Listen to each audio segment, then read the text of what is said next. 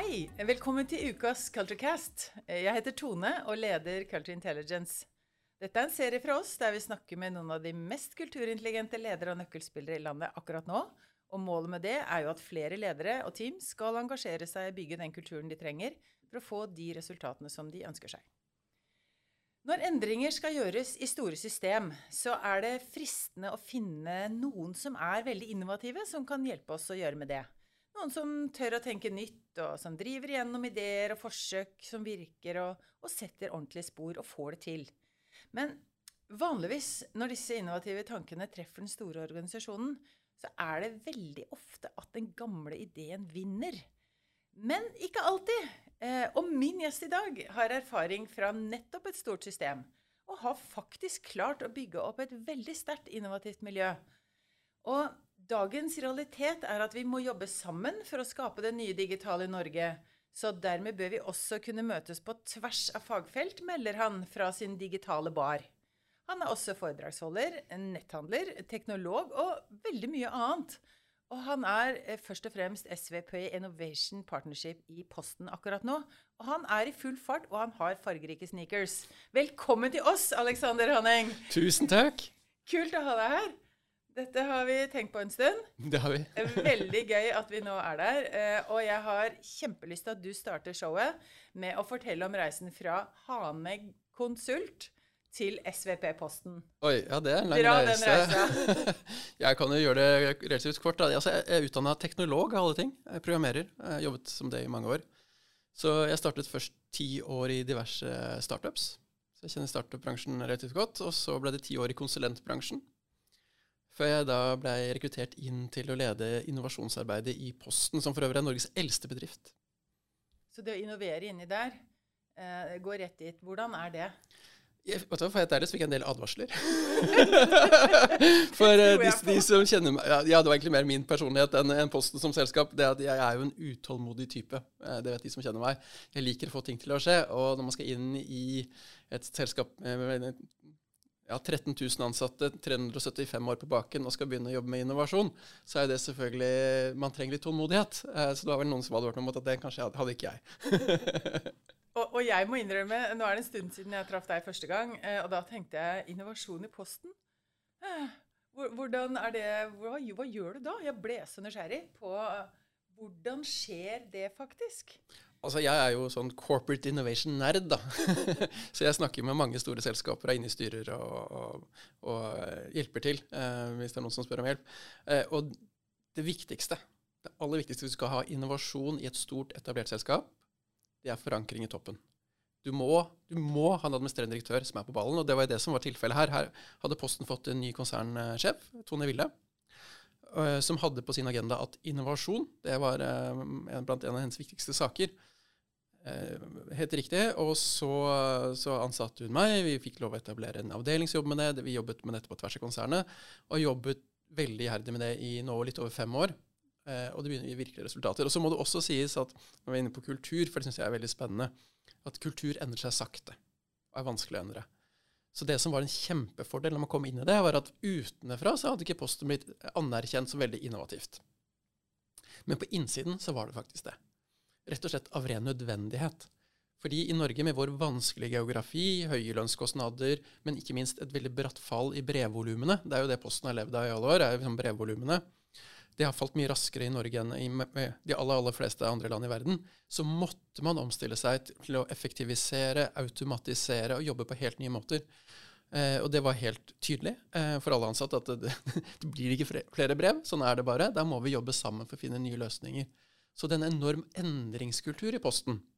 Så det som vi sammen gjorde, var en sånn piggyback på den kulturen, men så åpne opp for en litt annen type innovasjon som var mye mer kunderettet. Nå skal jeg fortelle deg noe, eh, en hemmelighet. Eh, I 2005, da jeg jobbet i Dynamo sammen med Ingebrigt og den gjengen der, så hadde vi et prosjekt i Posten som het 'Fra forvaltning til forretning'. Eh, og da, For det var første gang Posten skulle merkevare ut, eller markedsutrettes. Hva heter det? Mark, mm. markedsrettet. Så det, det monopolet falt. Så allerede da, så var, da var det Kåre Frydenberg som eh, var eh, på toppen og, og, sa nå må vi lære hva et kommersielt system er. Så jeg tenker at det er litt sånn uh, spinn på der hvor Tone Ville kom inn, og, og, du selvfølgelig også etterpå. Men si litt om hva er innovasjon i Posten? Gi meg noen gode, sånne konkrete eksempler. Altså, Innovasjon kan jo være så mye der som fra ha, ha hvis du er et iskremfabrikk, da, ha ny smak. Det er også innovasjon. Men, men, jeg mener jo at det viktigste er litt mer eh, high level, altså den mer strategiske innovasjonen. Eh, og det handler om å løse problemer. Ikke bare innovere for å innovere, men faktisk løse problemer for en kunde. Det kan også være en intern kunde. Så Et konkret eksempel var at vi undersøkte det om vi skulle sende en pakke. Da måtte du på et post i butikk og kjøpe frimerker, og så måtte du hjem og pakke inn pakken, og så måtte du tilbake i post i butikk for å sende den. Eh, og folk syns jo det er litt pes, så måtte reise to ganger til Post i butikk for å sende én pakke. Så en av de prosjektene som har pågått i Posten, er jo dette med digitalt frimerke. Så hvorfor må et, eh, i 2022 hvorfor må det at man har betalt for en pakke, være en papirlapp som man klistrer på? Kan ikke det bare være en kode du kjøper på telefonen eller på, på PC-en? Og det kan du jo selvfølgelig. Så derfor starter vi med digitale frimerker. Eh, og ikke minst det å kunne sende fra egen postkasse. Så i dag så kan du gå inn på posten.no, kjøpe digitalt frimerke, eller det som heter Norgespakke Liten. Eh, skrive på en kode på pakka, putte i postkassa di, så kommer postbudet og henter den. Da løser vi konkrete problemer. Eh, nå sender ikke jeg mye pakker, men uh, nå Det er nyttig nå, før julesesongen. Nå går det mot jul, så det var Og postkort, uh, julekort. Ja. Det, kan bruke digitale frimerker. Sender folk julekort i posten ja, fortsatt? Ja, altså, absolutt. det gjør det, og det er veldig koselig. Ja. det er jo sånn i, i vårt konsern, og det synes, apropos kultur, det syns jeg er en veldig fin ting, det er at alle vi som jobber i administrasjonen Vår mest travle tid er selvfølgelig jule, juletiden, med alle pakkene og brevene mm. som sendes. Så vi må ut og jobbe på terminaler, på postkontor, eh, og bidra en dag, minst én dag i løpet av julerushet. Folk fra kontormiljøet må fra ut i Alle, inkludert konsernsjefen selv, må ut og jobbe. Jeg skal selv ut og jobbe på det som heter distribusjonspunkt i Bærum, og sortere pakker. Eh, og da, så da ser jeg selv eh, hver jul hvor mye pakker som sendes. Det er eh, nye rekorder hvert år. Det er veldig hyggelig å se. Eh, og ikke minst, det kommer jo Jeg hadde eh, et år så sto jeg og sorterte pakker til, til den studentbyen som heter Åh, den som ligger over, borte ved Sognsvann der. Jeg husker jeg ikke hva den heter. Ja, Sogn studentby borti der. Og da kommer det veldig mange pakker fra utlandet, for det er mange utenlandske ja. studenter som må tilbringe julen i Norge. I hvert fall nå under pandemien så var det jo det. Og det er så koselig å se liksom, pent innpakte pakker som skulle dit til studenter, sikkert med mors eh, hjemmebakte kaker, ja. eller jeg vet ikke hva. Det er så koselig. så utrolig god idé. Ja. Eh, Si, tar dere inn eh, eksterne i sånn eh, Kan man liksom signe opp og gjøre en frivillig arbeid på det òg? Nei, ikke frivillig, men vi, ja, vi, leier inn veldig mange julehjelpere. Det gjør vi. Ja. Så det er en veldig fin måte for studenter og andre å få eh, litt ekstra inntekt på. Hvis jeg hadde lyst til å få den erfaringen en dag, så, så kunne jeg signe opp noe sted da, eller må jeg Ja, du kan signe opp som julehjelper. Ja, få betalt. Ja. ja da, vi, mye, trenger mye hjelp i jula. Her er det mye muligheter, folkens.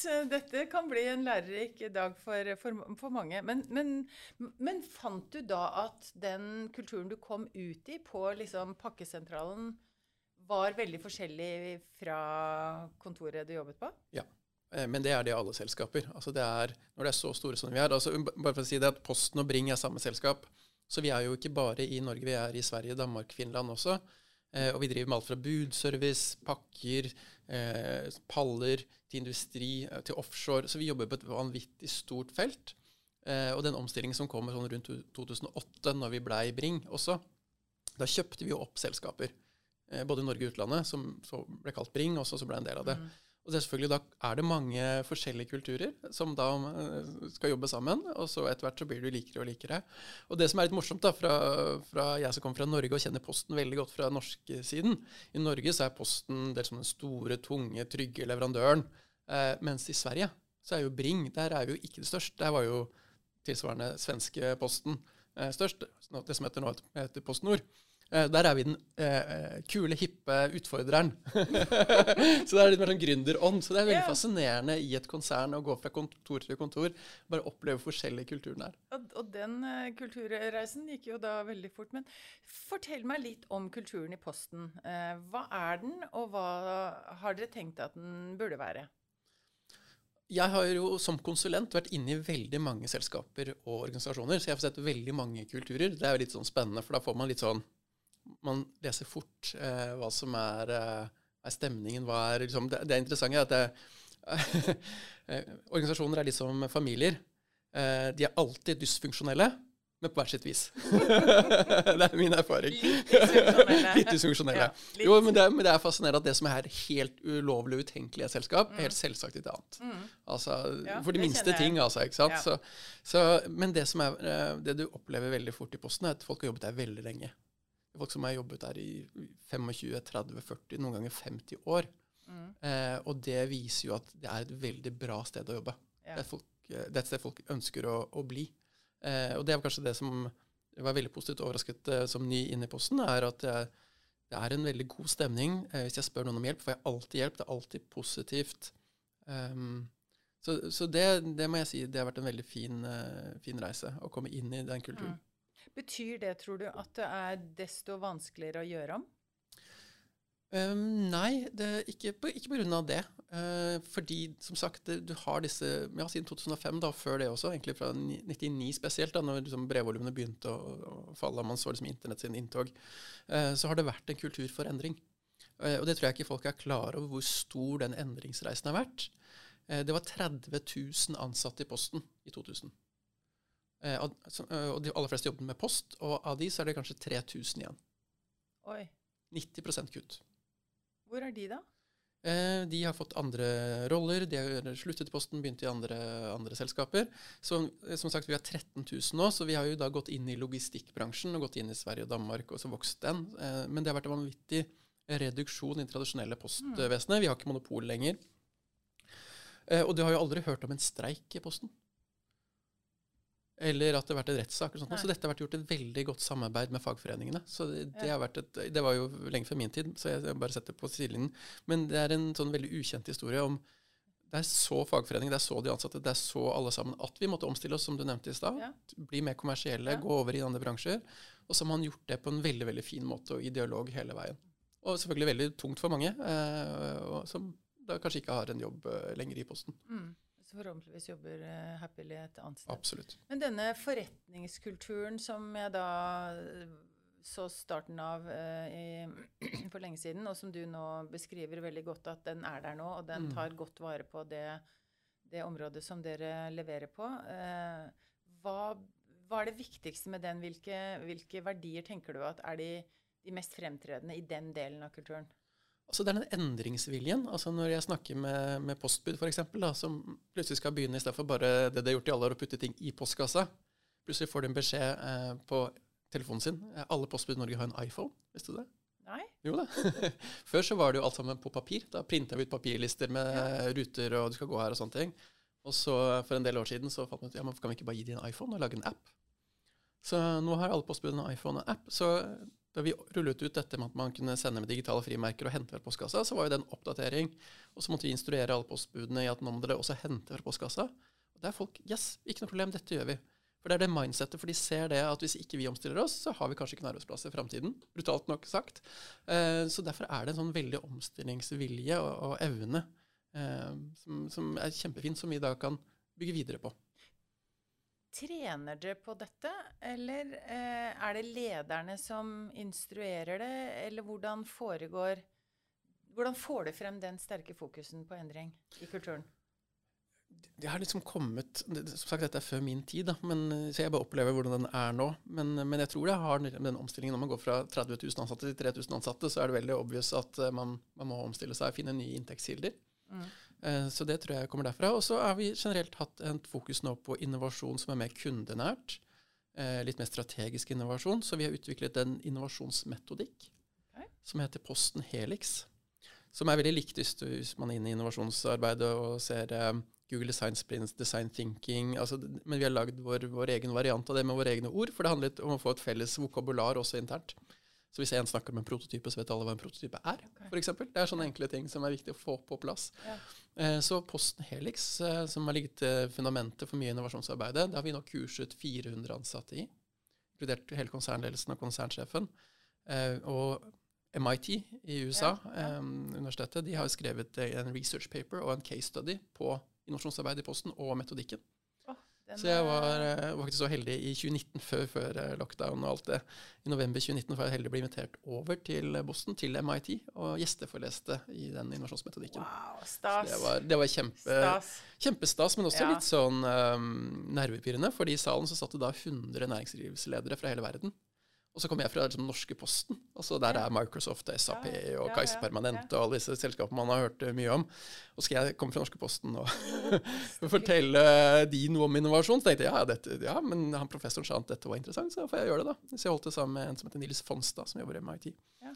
Eh, og dette var faktisk en todagers konferanse som heter eh, MIT Research Forum. Så det er to dager der hvor de legger fram sin nyeste forskning eh, for 100 næringslivsledere. Eh, superspennende. Og første dagen så satt vi på sånne runde bord, og så er det navneskilt, og så sitter jeg og hilser på disse topplederne. og så Hei, I'm Alex from Norway Post, og du kan se de himmelen litt med øynene. det skjønner jeg i og for seg. Eh, og så dag to skulle jeg holde foredraget. Eh, litt nervøs. Og etterpå så kom vi bort til pausen og vet at vi har de samme problemene i vårt store selskap. Ja. Det er universelle utfordringer. Og det ble faktisk kåret til den beste takeaway for hele konferansen. Nei, så det, det syns jeg er veldig gøy. Og ikke, ikke for nødvendigvis fordi at um, dette er Posten og akkurat Posten Helix, men det viser jo at de problemene Altså jeg, jeg som er nerd, da, ser jeg opp til Meta og Microsoft og Google som liksom de store og flinke. Og det tror jeg mange nordmenn også gjør at vi er litt sånn beskjedne. Realiteten er at vi er verdensledende på veldig mange ting, så jeg syns vi skal tørre å være litt modigere. Ja. Eh, og det viser jo at når vi faktisk går ut, da, Ja. eh, så får vi vanvittig bra respons. Og, og, og vi må legge inn at Posten faktisk er et uh, public company, så det er liksom ikke en rå kommersiell på den måten. eh, Vi er jo et. AS som skal tjene Ja, penger, men vi har jo litt samfunnsansvar og litt annen vinkling på det. og Det har jo vært en, en sentral del av vårt innovasjonsarbeid at vi også skal dele.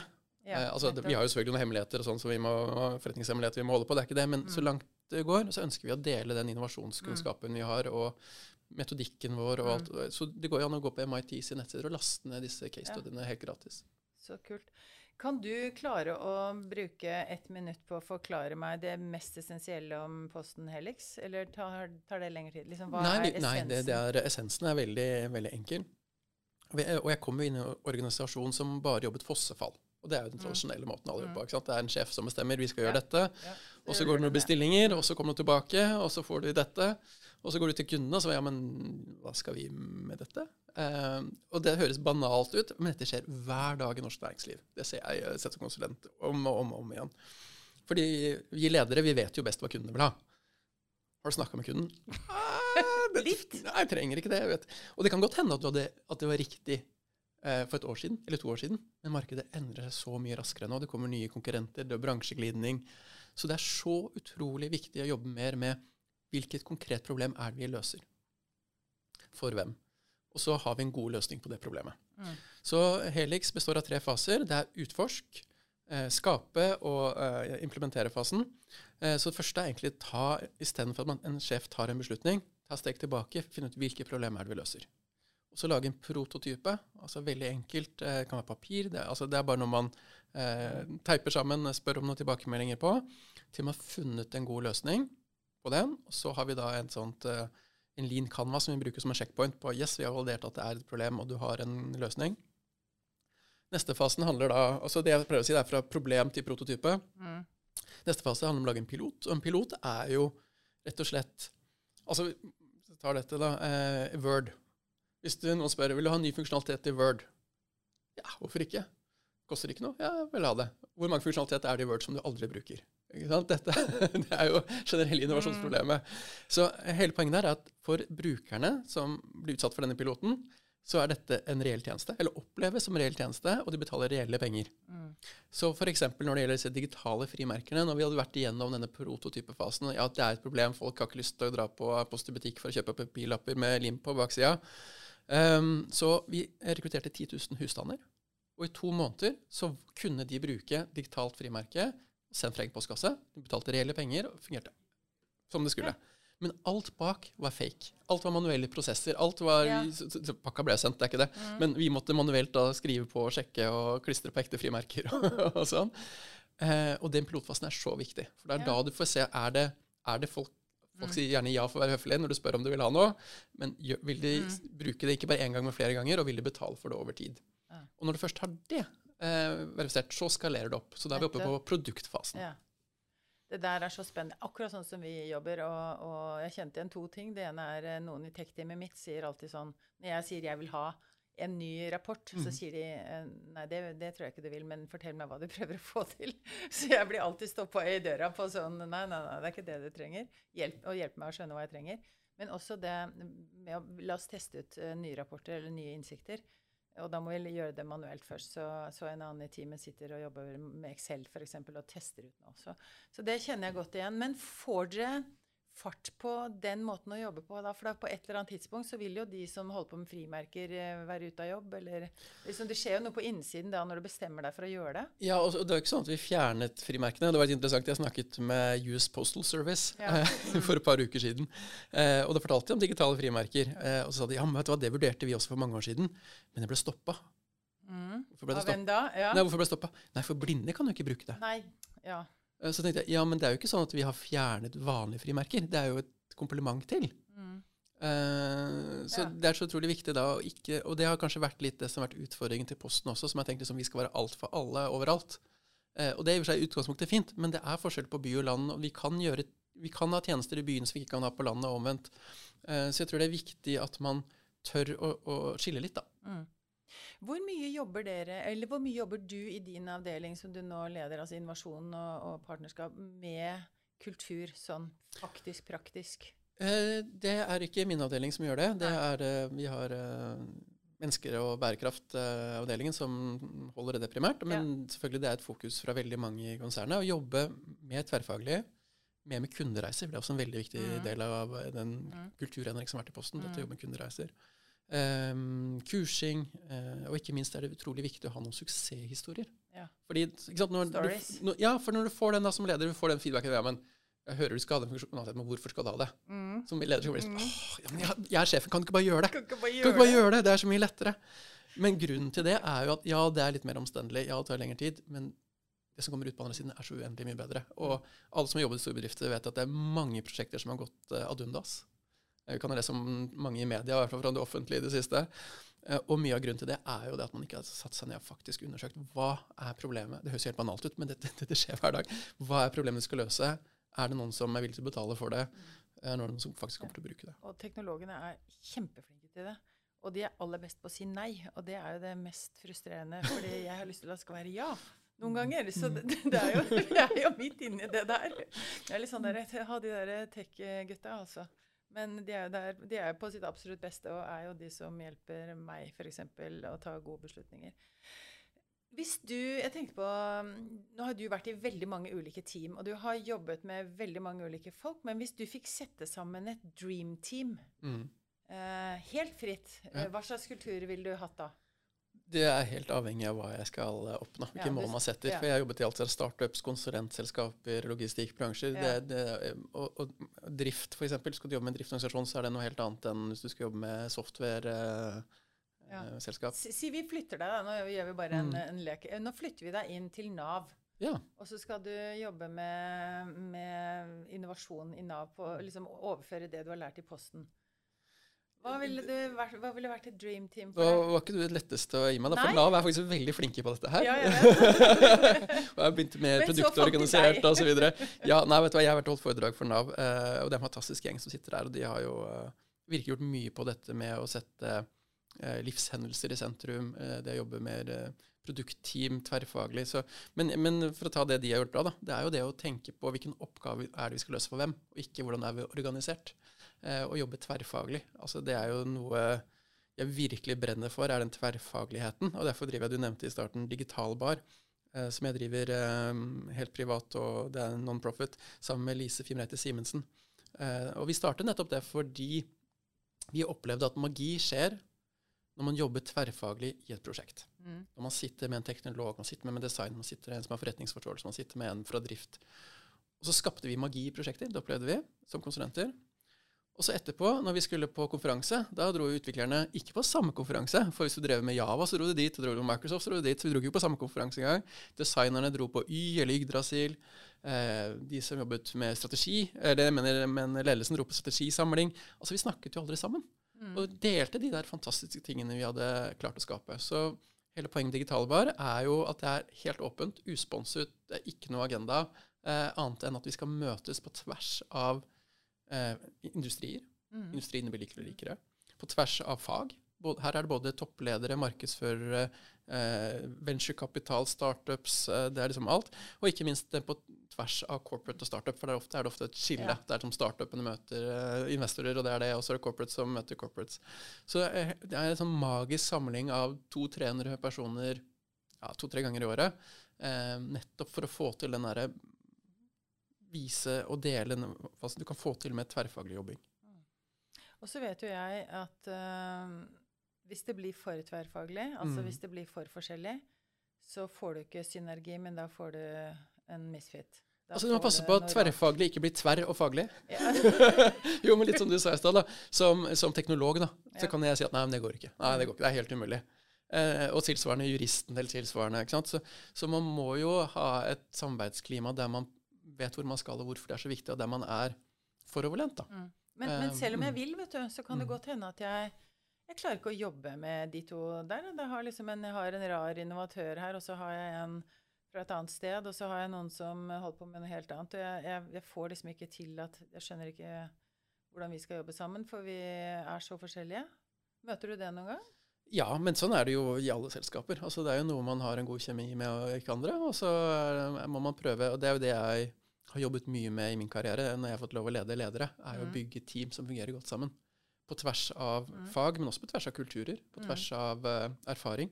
Uh, unge mm, mennesker og eldre mennesker osv. Og, så og det er jo det som er så utrolig gøy, når du får til den derre Mm. miksen Mm. av tverrfaglighet og Mm. skikkelig bra team. Da kommer det vanvittig mye kule ting ut, altså. Men nå fikk jeg en idé, Aleksander. Nå Mm. lager vi eh, tverrfaglighetsworkshopen, eller vi kaller det for sånn eh, culture, eh, culture camps, har vi kalt det. Sånne tematiserte. Nå skal vi lage en culture camp for tverrfaglighet. Hva skulle vi begynt med? Eh, Ja, ja, hva skal vi begynne med? Nei, altså, I mange selskaper så er jo utfordringen at man ikke får lov å jobbe tverrfaglig. At det er, sant, man jobber i siloene sine? siloene sine, Mm. og ikke bare siloer, men også waterfall, altså Mm. eh, overleveringer. Eh, og så blir det jo alltid miskommunikasjon i overleveringene. altså Det du får ut på andre sida, er aldri det du har bestilt. Eh, så jeg tenker det er det viktigste, å faktisk få lov til å jobbe tverrfaglig. Og skaffe man- oss mandat, rett og slett. Skaffe Gå inn og, til det. få Og så, Ja. hva ville vi gjort så? Hva ville vi lært de? Um, og så er det viktig å jobbe eh, veldig avhengig av industri og mål du skal oppnå, men ofte jobbe mer i sprinter. For det er også en del av Helix-modellen, er jo at man jobber i fire til seks ukers sprinter. Det har fungert veldig bra for oss. For i store selskaper så er det jo sånn at hvis du først har et stort prosjekt som du har fått eh, all go på å kjøre på, du har eh, milepæler du skal nå, du har teamet ditt, så kommer du halvveis og finner at vet du hva, dette var ikke helt, eh, dette blir ikke riktig, dette var ikke et bra prosjekt. Stopper du da? Det er jo 10 000 dollar-spørsmålet. Som regel gjør det ikke det, for du har jo lovt, du har jo fått Ja. midlene, du må kjøre prosjektet ferdig. Eh, og det er eh, noe som blir kalt for zombieprosjekter. Altså det er så mange zombieprosjekter som pågår. Hva er et Et zombieprosjekt? zombieprosjekt er sånn halvdødt, altså zombie halvdød. Et prosjekt som blir kjørt fordi det har blitt lovet noen at man skal kjøre det, og man har jo investert så mye i det at man ikke Så det er veldig viktig med den pipelinen som vi har kjørt på innovasjon, er jo det Jeg har en morsom historie rundt det også. Eh, at man må drepe noen prosjekter. Og det er jo ikke sånn at fordi man legger ned et prosjekt, så har man tapt alt. For det som vi ser, det er jo at hvis det samme teamet, og det er også litt viktig, samme teamet får jobbe med eh, relaterte problemstillinger, så kan det hende at akkurat det prosjektet ikke var liv laga, men det de har lært Ja. den sprinten, blir neste prosjekt. Neste prosjekt, så pivoterer det kanskje to-tre ganger, Mm. og så Mm. treffer de gullet. Og jeg må bare dele en veldig morsom Ja. historie med deg rundt akkurat det, for det slo meg veldig når jeg opplevde det. Og det er at eh, jeg var så heldig fikk eh, opprettet innovasjonshub i Postgirobygget Ja. på 800 kvadratmeter, eh, der vi jobbet med, med innovasjonsprosjekter eh, etter denne modellen. Eh, og det er eh, veldig tilpasset det å jobbe eh, tverrfaglig, men du kan tegne på veggene, du kan lage forskjellige størrelser hvor team kan sitte, altså som med vegger. og eh, og veldig, brukt veldig mye tid på å designe dette til å være optimalt for, eh, for dette. Og så kom jeg tidlig, jeg var den første på jobb en dag, og så kom jeg inn der. Og så var det et sånn astroturf, sånn fake gress. Det var sånn gress? Ja, Ja, ja, sånn ja, var sånn plasti Disney-gress. ja, Disney-gress var sånn Ja. plastikkgress som lå i et hjørne, med et hvitt gjerde, sakittgjerde rundt. og på det gresset så lå det flere sånne gravstøtter i papp, som noen i teamet mitt hadde laget. Og på de gravstøttene, vet du hva det sto på de? Navn på prosjekter som vi hadde lagt ned. Wow. Kult. Og jeg ble sånn Hva er dette, liksom? Ja.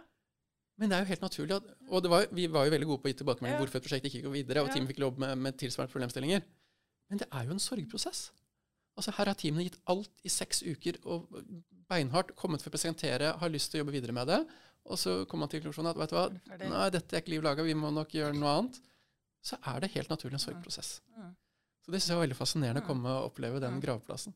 Men kun, eh, det, det er spennende, og da spinner jeg videre på det. Men, men hvis vi tenker at hvis du, hvis du skulle gjøre denne culture campen vår ferdig på, på innovasjon, det å jobbe med tverrfa, eller på tverrfaglighet Det å ta med seg læring som hver enkelt har, da, kanskje å, å systematisere det og starte litt med å si hva er det vi kan om dette, eller hva er det vi tror, eller få litt tak i mindset. For, jeg tror det der mindsettet som du kommer inn i et tverrfaglig team med, det tror jeg er helt avgjørende. Der Mm. blir jeg litt nerd. ikke sant? Hva er det du kommer inn med? Er du, kommer du inn med, med stor skepsis og tenker at de fleste ikke er sånn som deg, eller kommer du inn med sånn Hva kan vi få, sammen, få til sammen her? Og litt Mm. avhengig av det, så vil jeg tenke at det styrer prosjektet. Så hvis man kunne ha starta med den, få tak i læringen, og så sagt OK, hvordan, eh, hva slags mindset trenger vi Mm. i det prosjektet for å jobbe godt sammen? Og, og på en måte begynne å tenke mindset også, ikke bare skills eller kompetanse.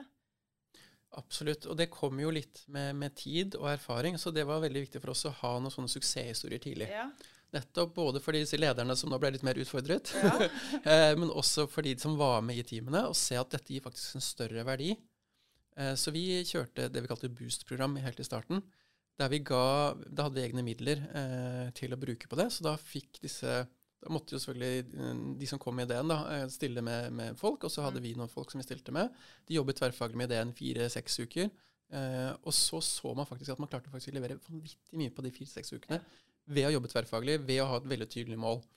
Eh, og det, det, det presenterte vi i plenum, og, og, og, og da fikk man en sånn forståelse av at wow, dette gir faktisk effekt. Selv om det er litt annen måte å jobbe på. Selv om Ja. jeg må pusle noen grenser, da, for man er vant til å få overlevert noe, og så Ja. si nei, eller ja, og så videre. Så her måtte man liksom virkelig involvere seg. Ja. Så det tror jeg er utrolig viktig å ha de der gode historiene. Og så heller starte litt mindre, hvis man, Mm. er, sitter, man lytter på dette og sitter i en bedrift. Start heller smått og bygg noen suksesshistorier, og få det bra før man skalerer opp. Jeg antar eh, at du har blitt kraftig utfordret eh, opp gjennom innovasjonsarbeidet, og litt sånn at du ikke bare har vært helt sånn eh, walk in the park. Um, hva, er det du, hva er det dette arbeidet med innovasjon har gjort med deg? Eh, Jeg har fått veldig mye mer respekt for eh, store konsern. og som, altså som sagt, Jeg jobber jo på, på, på gulvet, for å kalle det det, en gang i året minst. Eh, man får mye mer større, respekt for de som sitter der, eh, og det dere utfordringene de står i hver dag. Det kommer inn vanvittige volumer eh, som plutselig eh, som man må håndtere. Det skal ut. Norge har mye vær, Mm. lange distanser, så eh, det har jeg fått veldig mye respekt for. Jeg har jo kommet fra veldig mye digitalt, da man ikke ser så tett på det fysiske, så det har vært en stor læring. Og så har det vært spennende å se hvordan endring foregår i store organisasjoner um, over tid. Jeg har jo vært Mm. konsulent, men da kanskje et år eller to. Uh, nå har jeg fått lov å jobbe med dette i over fem år. Um, så jeg har lært utrolig mye, og ikke minst hvordan uh, konsern fungerer, og konsernledelser og sånn fungerer. Jeg har vært inne i konsernledelsen mange ganger og presentert for de og, og diskutert med de. Så det har vært utrolig lærerikt. Har du endret uh, verdier? Ja, det tror jeg alle, alle gjør i løpet av livet. Um, posten har jo Og det tror jeg faktisk For å ta litt tilbake, jeg har jo rekruttert veldig mye i denne rollen. Og veldig mange unge. Og jeg ser at de er enda mer opptatt av verdier enn en min generasjon er, og kanskje den som er eldre enn meg også. Spesielt dette med klima, bærekraft, eh, eh, det å være en anstendig selskap da, som følger lover og. Og det har jo Posten. Altså Vi er jo eid av staten og alle oss.